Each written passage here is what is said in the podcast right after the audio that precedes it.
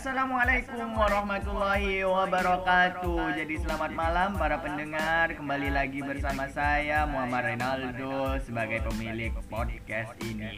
Jadi sebelumnya mari perkenalkan diri dahulu. Diri dahulu, saya Muhammad Renaldo Firdaus Abigail. Saya kebetulan adalah seorang mahasiswa dari Universitas Islam Negeri Sunan Negeri Iya, Islam Negeri Negeri Sunan Ampel. Ampel Surabaya dan kebetulan juga saya adalah mahasiswa di Prodi Hubungan Internasional.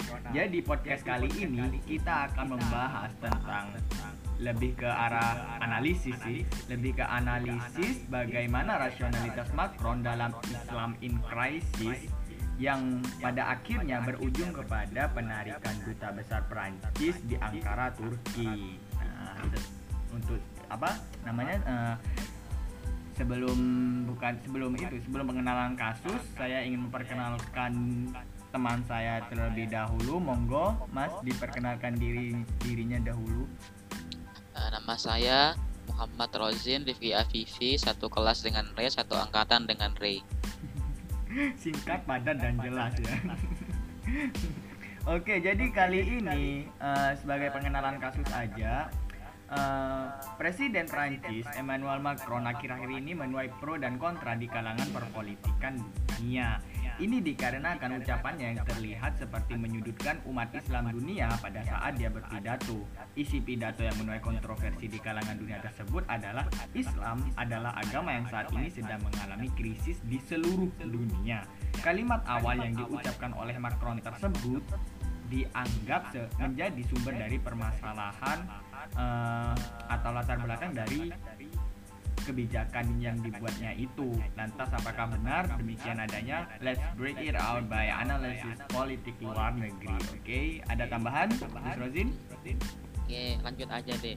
Uh, kita kan mau bahas decision, behavior, sama outcome. Mm -hmm aku mau bahas decision boleh? Oke oke silakan uh, di di apa diutarakan pendapat anda dari segi decision. Kira-kira uh, si Macron ini kenapa kok ambil keputusan itu? Nah kalau dari leader personality ya itu kan ada tipe-tipenya. Nah aku itu bakal nganggap dia itu sebagai orang yang uh, aktif tapi negatif. Aktif dalam artian dia itu kan muda banget kan ya uh, tapi berpengalaman sih walaupun muda ya karena kan sudah pernah jadi deputi bank pernah jadi menteri ekonomi juga kota partai yang menang presiden dia aktif. Dia juga sangat banyak membuat kebijakan-kebijakan baru yang belum ada di presiden sebelumnya. Itu kan menunjukkan bahwa dia benar-benar aktif e, menggunakan seluruh kebijakannya. Tapi negatifnya adalah karena dia muda kadang kebijakannya itu meleset dan sering didemo sendiri oleh rakyatnya. Mungkin termasuk ini adalah blunder yang ngomong Islam in crisis. Makanya menurut aku ya dia aktif uh, di Prancis kan ada Islamophobia tuh. Nah, dia menanggapi ini dengan bilang Islam in crisis. Nah, soalnya banyak sekali uh, dia menyebutkan kan ada Salafi, Wahabi, ISIS yang sering buat owner di Prancis. Nah, yang disebut krisis itu bukan Islam secara agama tapi kelompok-kelompok yang mengatasnamakan Islam lalu ingin membuat agama. Menantang konstitusi itu yang aku baca di jurnal-jurnal. Dia bilangnya itu maksudnya. Tapi dia mungkin dipotong-potong mungkin ceramahnya. Akhirnya berimbas seperti ini. Jadi dia aktif tapi negatif. Oh, okay. itu dari leadership personality. Nah, lanjut mungkin ya. ada ada itu bagian lain yang nah, ada lagi uh, operasional code. Ada filosofi. Nah, kenapa kok dia bisa bilang Islam in crisis? Uh, ini kan gini ceritanya re. Uh, itu kan ada majalah Charlie Hebdo. Dia itu uh, melukis kartun nabi dengan konotasi yang negatif lah. Lalu ada sebuah ada guru yang menampilkan itu di kelas. Ini loh ada majalah. Ini adalah bentuk contoh kebebasan berpendapat di negara kita. Lalu terus uh, maaf teman-teman para pendengar tadi ada kendala mungkin bisa diulangi lagi dari itu uh, dari unit yang kedua Jin hmm. apa tadi jadi aku bahas yakni operational code Hmm, dari operasional code-nya. Nah, ini ya. filosofi. Nah, dari segi filosofi, Macron ini eh, dia partainya sosialis liberalis. Nah, sebagaimana presidennya dia harus patuhlah sama konstitusi negaranya. Negaranya itu dia sekuler, juga ada semboyan legite. Entah gimana cara bacanya ya. Itu eh, intinya nggak boleh baper kalau di Cina nggak boleh baper kalau dikata-katain gitulah kalau bahasa kerennya. Oh, kayak kebebasan berpendapat gitu ya. Nah, gitu mak Hmm. itu lebih ilmiahnya kalimat lebih Iya. ilmiah. Nah, ceritanya gini, Re. Kenapa kok dia bisa bilang Islam in crisis? Itu kan ada majalah Charlie Hebdo. Dia majalah satir emang sih, nerbitin kartun nabi yang berkonotasi negatif. Lalu kemudian ada guru yang menampilkan itu, dia guru sejarah. Dia bilang ini loh majalah yang menjunjung tinggi kebebasan eh, di negara kita. Ini bentuk dari legite. Lalu umat Islam itu ada yang tersinggung. Akhirnya majalahnya itu di demo kantornya si guru ini di dibunuh akhirnya eh, media eh, ada yang bilang bahwa Macron berpidato Islam in crisis itu menanggapi hal tersebut. Padahal enggak. Macron itu bilang kayak gitu Islam in crisis itu sebelum adanya pembunuhan. Jadi gak ada kaitannya re. Oh, berarti em, sebagai pelurusan aja ya ini bagi para pendengar yang belum tahu bahwasannya eh, dalam hal ini dalam kasus ini eh, antara pidato sama kejadian pembunuhan itu bisa dibilang punya rentang waktu yang berbeda gitu ya pidatonya Iya. dahulu baru ada pembunuhan gitu kan Nah, tapi yang ditangkap kan enggak itu seolah-olah reaksinya Nah, tapi reaksinya Erdogan eh reaksinya, si Macron ini ya Heeh. terhadap Nah. pembunuhan gitu ketika si guru itu yang dibunuh itu dimakamkan itu kan datang si Hmm. Macron ke pema- pemakamannya lalu dia diwawancari oleh oleh wartawan gimana pendapat anda? Dia bilang gini tolong media hargai saya sebagai presiden. Saya ini bukan mendukung dia sebagai penghina Islam tapi saya mendukung dia sebagai orang yang menjunjung tinggi kebebasan berpendapat. Hmm. karena dia ya harus patuh dengan konstitusi legite itu. Gitu re. Oh, secara ya, secara logika dia hadir sebagai seorang presiden gitu Iya. ya, bukan? karena secara Hmm. filosofi ya dia harus patuh sama konstitusi negaranya legite Iya. itu Nah, gitu. secara gak langsung kan presiden adalah penjalan konstitusi negara gitu kan. Hmm. Nah, makanya kenapa dia kok bisa bilang Islamic crisis Oh, oke oke oke oke. Ada nggak unit lagi selain operational code sama leadership personality? Eh, apa lagi ya kita bahas ini deh eh, sikap terhadap kendala Ah, leadership threat analysis. Ah, ah, ah. nah, menurut yang aku baca dia itu eh, percaya diri percaya diri kepada kemampuannya sendiri. Hmm, percaya diri. Dari mana Ter- sih kamu kamu terbukti- dia eh, ngomong dia itu percaya diri? terbukti dia kan buat partai baru nih re. Baru beberapa bulan NMRC namanya. Lalu dia nyalon eh menang gitu. Dia juga mengumpulkan anak-anak muda gitu gitu dia pokoknya orang yang berani. Nah makanya ketika ada masalah kayak gini dia gak mundur ya. Ketika ada wartawan wawancara dia gimana nih yang bener Pak Macron? Iya dia jawab aja gitu. Nah, Oke, berarti dari segi itu dari segi operasional eh apa itu tadi? Namanya leadership atau leadership trait analysis ya. iya Nah itu bisa dibilang si Mac- eh, Presiden Macron ini punya eh, tingkat kepercayaan diri yang sangat tinggi ya. Itu Iya, ini kan aslinya kan itu. ini kan aslinya kan ada miskomunikasi re Hmm, seolah-olah dia mendukung penghina Islam padahal kan enggak hmm, itu kan anggaplah kendala re. Heeh. tapi di dalam kendala itu dia tetap percaya diri tetap maju enggak kok saya enggak salah dia klarifikasi re tuh Oke oke oke. lalu ada lagi ket- eh, apa namanya keterbukaan pada informasi. Nah, aku baca nih di ini di jurnalnya Reni Chandra Dewi ini dimuat di jurnal Politea. Dia bilang bahwa si Macron ini adalah orang yang konsultatif jadi dia punya dewan penasehat. Gitu Re. jadi kalau dia apa-apa dia bakal konsultasi ke orang-orangnya. Jadi setiap dia bilang misalnya Islam crisis ya dia nggak nggak spontan aja itu ada data-datanya re bener-bener kenapa kok dia bilang gitu? Karena eh, 43 masjid terpapar radikalisme gitu-gitu. Dananya eh, dibuat untuk perang gitu gitu itu, itu ada datanya. Makanya dia berani bilang kayak gitu dia gak cuman kayak dendam aja. Iya kan mungkin juga Iya, sih kayak gitu. Dia punya maksud gitu ya. Dia punya eh, apa namanya eh, dasar. Dia punya basic kenapa dia ngelakuin Iya. itu. Oke. Oke oke. Ada lagi Mas Rozin? ya udahlah. Ah, ini harm ini pertanyaan yang itu deh, yang instrumental. Oh, dari instrumental. Bagaimana Dari dia instrumental. menganggap bagaimana dia memandang harmoni dan konflik. Kalau yang aku baca di jurnalnya Adiri, jurnal ini dimuat di Badan Keahlian DPR RI, dia beranggapan bahwa Macron ini sangat cinta harmoni, tapi khusus kepada satu tongkrongannya yakni Uni Eropa. Oh, iya. Kalau dia kalau dia tuh selain itu dia kayak ya udah kalau mau konflik konflik aja gitu. Kayak gitu. dia tuh memang apa ya orangnya humble banget tapi sama teman-temannya gitu teman-teman sekelompoknya gitu kan Iya. ya? Makanya kalau ada Turki macam-macam ya dia sikat aja soalnya bukan Uni Eropa, cuman anggap Uni Eropa KW lah dia Turki gitu. Apalagi ini kan yang buat masalah kan anggaplah muslim yang imigran deh. Heeh, heeh, bener, Iya kan? Bukan it- yang tumbuh tumbuh bukan di, muslim. bukan muslim yang tumbuh di itu yang ditumbuh secara langsung di Prancis yang lahir Ah, ah, di Prancis bukan gitu orang warga negara asli lah. Anggaplah mereka orang Timur Tengah. Oke. Ya disikat aja sama si Macron karena dia bukan orang Uni Eropa, dia hanya imigran. Syukur-syukur diterima gitulah maksudnya re. Nah itulah aja dari aku dari si decision kenapa kok dia bisa ngomong Islam crisis gitu gitu. Ah, ah. Kalau bisa aku itu bisa aku rangkumin ya Mhm. uh, pendapat dari kamu tuh berarti dari segi leadership personality menurutmu dia tuh aktif dan negatif gitu ya aktifnya Ah. karena dia punya uh, punya apa namanya punya proker yang banyak banget gitu kan Iya. Kan karena selagi dia masih muda dia punya proker yang banyak banget gitu negatifnya terkadang uh, Dia buat prokernya blunder. Brokernya itu blunder gitu. Karena bisa dibilang prokernya itu masih dibilang bisa dibilang fresh gitu ya. Oke. beda sama pendahulu pendahulunya gitu ya.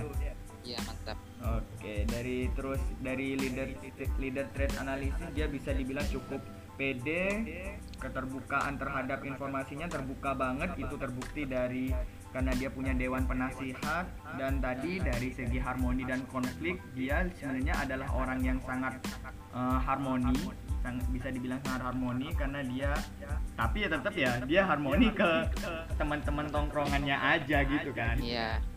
Tadi oke. ada yang kurang percaya diri saat ada kendala itu maksud saya. Dek. Oh, pede terhadap kendala gitu ya. Ah, Dia tetap cukup berani lah gitu. Diri. Anggap bisa dibilang cukup berani kalau misalnya ada masalah apa pun dia berani buat ngehadapin, buat klarifikasi, buat tanggung jawab akan hal itu ya. Nah, itu. Gitu ya. Udah kita udah bahas semuanya ya. Ini cukup lengkap sih sama menurutku dari segi decision sih aku. Gak semuanya sih tapi lumayan sih lumayan lengkap. Mm, mm, mm. Bagi aku, aku hampir setuju juga sih sama Rozin ini. Bagi aku ini sudah cukup banget dan kita kayaknya satu pemikiran tentang decision ini. Ya karena kita cari datanya bareng-bareng. iya benar benar benar benar. Cuma Oke, sekarang oke. kamu re, kamu yang memaparkan gimana behaviornya itu. Tadi kan udah decision nih. Coba Oke. kamu gantian dong. Oke oke. Kalau menurutku sih ya, kalau misalnya dari segi behavior bagaimana dia melakukan atau merealisasikan kebijakan ini, sebenarnya Macron dalam kasus ini awalnya itu tidak berniat untuk menarik dubesnya dari Ankara Turki, tetapi pasca pidato yang dideklar sama uh, Presiden Turki Erdogan itu bisa dibilang uh, menjadi se- penyulut gitu. Penyulut kenapa dia menarik dubesnya dari Ankara Turki tersebut nah bisa Iya. dibilang itu em, pejabat kepresidenan Prancis itu berpendapat bahwa komentar Presiden Erdogan itu nggak bisa diterima. berlebihan dan kasar bukanlah sebuah metode menurutnya itu menurut pejabat kepresidenan Prancis itu. Dan perlu diingat juga bahwa Erdogan tuh nggak hanya mengatakan Macron tuh perlu menjalani perawatan mental saja, dia tuh juga menyerukan agar penduduk di negaranya memboikot produk-produk Prancis gitu. Dan Iya iya iya. kita juga ngerti lah kalau misalnya seorang presiden sudah ngomong kayak gitu itu bukan ngomong kepada negara gitu negaranya aja gitu ke masyarakatnya aja. Ini adalah hubungan internasional di mana ada seseorang yang memantik yang lainnya ya bakal bereaksi gitu. Ya wajar aja lah kalau misalnya seorang presiden melakukan hal tersebut atas bentuk protes terhadap apa yang telah dilakukan oleh pemerintah negara lain gitu menurut saya Nah ini bagi aku, eh, menu- menurut aku ini adalah cara Macron untuk tetap menjaga atau tidak lebih memperburuk lagi citra Prancis di mata dunia. Sudah jelek gara-gara diksi Islam in crisis, masih jelek juga gara-gara eh, apa namanya si Pak Erdogan ini. Macron tuh kayak uh, sudah sadar gitu bahwa Prancis tuh punya value yang mana dia bertugas untuk menjaga value tersebut agar tetap utuh di kalangan global atau dunia gitu. Iya iya iya. Aku gak usah singkat lagi soalnya udah jelas banget bahasanya Be. Kalau aku kan gak jelas jadi perlu diperjelas lagi sama Be. Aku cuman mau nambahin aja Re gitu. Jika ada bilang Islam kasih Islam kasih itu kan bukan kebijakan. Lo kata siapa? Behaviornya dia kan ini kan kata-kata Macron kan pidato lah nggak apa kata siapa? Dia mengejawantahkan itu dalam kebijakan sebelum dia ngomong itu. Dia itu menutup 43 masjid yang dianggap radikal jadi kan ini bener-bener krisis yang dia wujudkan dengan kebijakan yang secara nyata itu oleh tindakan pemerintah. Nah, bagi masjid itu dibubarkan terus bagi yang nggak dibubarkan dia itu harus lapor dia dapat dana dari mana dia mau alihkan ke mana dananya karena takutnya nanti ada kegiatan-kegiatan yang radikal gitu deh hmm, jadi dia mengatur gimana anggaplah preventif lah gitu. Hmm, itu kebijakannya. Hmm. kalau yang sebelum-sebelumnya ya. Betul betul. Apalagi menurut saya ini kan masuk ke uh, sebuah bentuk normatif rationality gitu ya. Bisa keren banget ya kan iya dari iya, segi iya, iya. dia masuk ke normatif rationality di mana pemimpin itu berpikir bahwasanya ini adalah sebuah kebijakan yang harus dia bikin gitu loh. Soalnya yang diserukan sama Erdogan itu digoreng banget kan kemarin sama media itu kan sampai-sampai itu uh, dianggap aja kayak di Indonesia itu yang akhirnya bereaksi dengan mengecam pernyataan Presiden Prancis yang menurutnya telah menghina dan menyakiti perasaan umat Islam dunia gitu. Dan itu menyebabkan pro dan kontra juga kan. Pemboikotan di mana-mana buat Prancis itu penarikan menurut saya itu adalah sebuah hal yang saya kurang mengerti ya ini penarikannya atas dasar apa? pemutusan kerjasama atau untuk klarifikasi? tapi menurut saya itu adalah tindakan yang tepat dilakukan oleh Presiden Macron untuk kayak nyubit gitu loh. ngerti nggak iya, sih? yeah, kayak yeah. ayo kamu jangan nakal-nakal kayak gitu Oke, berarti ini udah jelas cara di season sama behavior. Sekarang outcome deh kamu jelasin deh. Outcome-nya gimana, Re? Aku juga outcome-nya. Nanti aku terakhir aja aku kan. kamu curang paham. ini, kamu curang ini. Bagi-bagi tugas lah. Yo, kamu Re. Bisa dibilang ya kalau kalau dari pendapatku uh, outcome yang didapat itu dari kalau misalnya outcome yang didapat dari penarikan itu penarikan uh, dubesnya dia dari Ankara Turki itu bisa dibilang mm, outcome-nya ya kayak jadi sentilan kecil ya buat buat itu buat Turki ya. Biar nggak terlalu jangan terlalu itulah jangan terlalu kasar dan terlalu keras dalam berpidato gitu loh. Kayak menurutku sih kayak gitu sih kayak jadi sentilan dari itu dari segi sisi itu segi apa namanya dari orang yang berkonflik dari subjek yang berkonflik. Kalau misalnya dari segi regional apa yang dilakukan sama Macron baik itu ucapannya dalam diksi Islam in crisis itu tentu bisa dibilang menyakiti menyakiti apa namanya menyakiti perasaan umat muslim lah. Kalau soalnya dia nggak ngejelasin Islam in crisis itu kayak apa. Dia baru ngejelasin pas uh, ketika dia sudah bikin video klarifikasi gitu. Nggak bisa dibilang dari regional aja sih secara internasional malah mungkin ini eskalasi konfliknya. Ada dia kan sendiri. di video yang lalu sebelum ini terjadi ya. Hmm dia pidato pernah pidato bahwa Islam di sini maksud adalah Salafi, Wahabi, sama ISIS. Nah, setelah video itu tersebar, hmm. itu nyampe dong ke Saudi Arabia. dia marah juga gara-gara loh kok Wahabi kok disebut-sebut ngapain orang nggak pernah buat salah di Prancis gitu. Akhirnya dia secara ofisial ngomong wah kita mengutuk nih si Macron nah, gitu. Iya kan akhirnya dia dikutuk oleh berbagai negara kan. Tapi lucunya lucunya di Saudi Arabia itu Carrefournya Carrefournya Saudi Arabia yang itu dari Prancis Carrefour. Tetap rame. Ya iyalah. Jadi ya, ya yang mengutuk itu hanya pemerintahnya rakyatnya tetap beli rakyatnya tetap menikmati gitu loh. beda ini ter di Indonesia, Indonesia. Terbalik. Beda sama di Indonesia. pemerintahnya nggak mem nggak memboikot kan? Pemerintah Indonesia nggak memboikot kan kemarin kan? Cuman, cuman mengecam, mengecam. tapi warganya. Warganya aduh beli air ke Indomaret cuman buat dibakar ya ampun. Hmm. aku kurang paham sih ini maksudnya apa. Nah kalau dari ini kan ada nih di outcome kelas klasifikasi negara. Kalau Prancis itu masuk negara kecil atau besar ya kira-kira? Kalau menurutku ya. Uh dari segi itunya kalau menurutku dari segi uh, hmm, kalau menurutku dari segi itunya apa namanya dari segi pengaruhnya. Dari Ah. segi pengaruhnya dia bisa dibilang negara besar. Soalnya kita lihat aja dia pidato salah dikit aja. Aduh. Yang heboh seluruh dunia. Kalau menurutmu dia masuk negara kecil apa negara besar? Besar besar kan ini ada super power ada middle power. Mungkin Mm-mm. masuk middle power deh. Mm-mm. kalau super power kan masih Amerika deh. Masih Amerika betul Nah, waktu itu aku ikut webinar ya bahas tentang ini re Mm-mm. Macron ini nah itu ada kiaiku tuh ngomong kayak gini kayak Azaib nah bilang kayak gini Indonesia kan itu kan negara kecil kita kalau mau main diplomasi gak bakal menang gak bakal didengerin sama si Macron Macron kamu jangan hilang Islam lagi ya kita sakit hati kan gak mungkin kayak gitu kan ya. Nah, walaupun dia emang ada konstitusi yang mendukung. Nah, gimana caranya kita boykot aja? Gitu. Nyubit lah.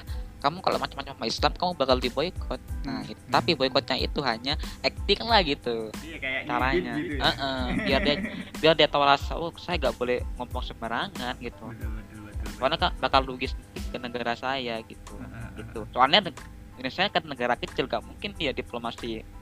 Misalnya cuma main gimmick aja gitu. Ya itu sudah ya berarti kita ya dari segi decision, behavior sama outcome gitu. Ada yang menarik nih Jin. Aku pengen tanya ben- beneran pengen tanya ini menurutmu. Menurutmu nih. Kira-kira kira-kira. Untungnya buat Prancis menarik dubes itu apa Jin? Menurutmu menurutmu. Iya mungkin tadi itu dia ingin menunjukkan bahwa Prancis itu keren aja gitu mungkin. Hmm, eh, Tadi kan aku sudah jelasin kan menurut jurnalnya Adri ini kalau dia suka harmoni mm-mm. tapi suka harmoni sama setongkrongannya ya ini gini Eropa. Kalau Turki ya ngapain dia bukan teman Prancis ya gitu mungkin teh. Jadi jangan macam-macam ya. Jadi dia pasti sakit hati lah karena itu kan kan menyerang personal Hmm, si Macron. Iya. gitu. Re. iya, Mungkin dia ingin menunjukkan itu mungkin. Nah, Kalau menurutku sih eh, pemanggilan dubes dari Ankara yang dilakukan oleh negara Prancis awalnya tuh aku mikir kalau ini adalah sebuah eh, apa ya kayak teguran gitu loh. Iya. Tapi lama kelamaan setelah melihat eh, itunya melihat perjalanan konfliknya gitu, aku malah mikir ini adalah sebuah bentuk buat klarifikasi gitu loh, paham gak sih? Eh, klarifikasi gimana itu, Ri? Eh, klarif ya kayak klarifikasi pemanggilan duta dari Ankara itu yang dilakukan oleh negara Prancis adalah untuk Iya. berkonsultasi dengan Presiden Emmanuel Macron pasca pidatonya Erdogan gitu. Jadi Oh, gitu. kayak ada kesalahpahaman gitu loh. Oh, Jadi kayak gitu. klarifikasi kayak youtuber-youtuber gitu. Eh kamu salah paham itu bukan maksudku kayak gitu tuh. Oh, gitu Nah, ternyata. menurutku kayak gitu sih kayaknya. Oh, iya iya iya. Iya nggak sih masuk akal nggak sih kayak dan apalagi penarikan dubes tuh dalam dunia hubungan internasional masih dibilang wajar. Kemarin aku baca-baca di beberapa bahan tuh masih dibilang wajar penarikan dubes dari itu. Bisa karena Tapi perubahan nanti- misi atau apa gitu. Tapi kalau efek efek lanjutnya ini misal ini terus terus di gak anggaplah terus musuhan ya Prancis sama Turki. Turki bakal makin sulit masuk ini Eropa ya kan. Iya iya. Soalnya Berarti Prancis dia itu. Prancis kan nggak setuju. pendiri kan, anggaplah pendiri. Anggaplah dia pendiri gitu. Emang pendiri sih. Iya, sulit ya. iya iya benar benar benar benar benar. Kayaknya udah lengkap nih decision, Oke. behavior, outcome. Heeh. Terakhir nih, kira-kira apa hikmah yang dapat kita ambil? Biasa kan kita kita kan anak Islam gitu kan. Apa Rin? apakah segala- atau faedah dari konflik segala- ini gitu Ya gitulah. menurutku sih apa yang bisa kita ambil tuh dari konflik ini misalnya suatu saat amin nih kita jadi jadi seorang pemerintah atau pemimpin gitu terus kita pidato kita tuh harus menyampaikan pesan dengan singkat padat dan jelas. Oke jelas itu harus signifikan. Soalnya kalau misalnya nggak signifikan apalagi di era kayak gini di mana globalisasi itu membiaskan segala bukan membiaskan apa menghilangkan segala border yang ada gitu kan? Jadi kita nggak Iya, iya. bisa ngomong secara langsung. Kalau misalnya ada salah paham tuh kita nggak bisa langsung klarifikasi. Kita nunggu dulu nunggu dulu ada konflik baru kita klarifikasi gitu. Kalau bahasa Islamnya tabayun ya. Bahasa Islam itu harus tabayun. Harus jelas gitulah intinya harus kalau misalnya kita ngomong sesuatu yang bisa dibilang ambigu Islamin crisis ini kan ambigu bisa berarti positif Iya. bisa berarti negatif kalau menurutku sih ini bisa berarti eh, sebagai bentuk su- sukacitanya ya, duka citanya Islam duka eh duka citanya Macron ke terhadap agama Islam gitu kayak Iya. dia sudah nggak ngerasain Islam yang seperti yang dia kenal gitu menurutku Iya, sih iya. gitu harus Kalau- lebih disignifikankan gitu loh apa maksud dari yang kita ngomongin gitu Kalau menurutku aku mau kasih hikmah yang lain yakni bagaimana kita bisa menyikapi aksi. Jadi gimana kita bereaksi gitu deh. Jadi se- kalau kita beraksinya amburadul ya kita bertahun kalau kita gak berpendidikan gitu. Kayak boykot boykot gak jelas itu misalnya. kayak kayak yang kemarin kamu ikut kayaknya kemarin kan beli beli aqua kamu terus dihabisin Gak dibuang botolnya ngapain. Gak bukan aku itu. Hei, oh bukan malah buang kamu. buang-buang uang mereka dapat untung kita. Oke oke oke dah ya cukup ya terus saya oke semoga Oke. ini memuaskan pendengar ya. Oh, semoga memuaskan para pendengar ya. Oke, sekian para pendengar yang dapat kami sampaikan. Kurang lebihnya kami mohon maaf atas ke banyak gangguan juga dan eh, apa namanya suara putus-putus, suara terbentur-bentur itu karena kita melakukan ini secara virtual. Kita tidak berbicara secara face to face ini ya Zin. Iya. Banyak sekali gangguan ini sudah kita rekaman berapa kali ini karena tadi potong apalah inilah gitu kan. Iya. Oke, sekian yang bisa kami sampaikan. Rosin ada tambahan mungkin buat para pendengar ada pesan-pesan yang ingin disampaikan. Pesan saya jaga kesehatan gitu aja. Oh, jaga kesehatan benar sih di era pandemi ini kita memang harus selalu stay healthy, jaga kesehatan ya Jin. Oke. Oke, sekian dari kami Eh, cukup Ayah cukup ya. Itulah analisis singkat dari kami podcast ini kami buat. Wassalamualaikum warahmatullahi wabarakatuh. Stay healthy teman-teman dan selamat malam sampai jumpa kembali di podcast selanjutnya.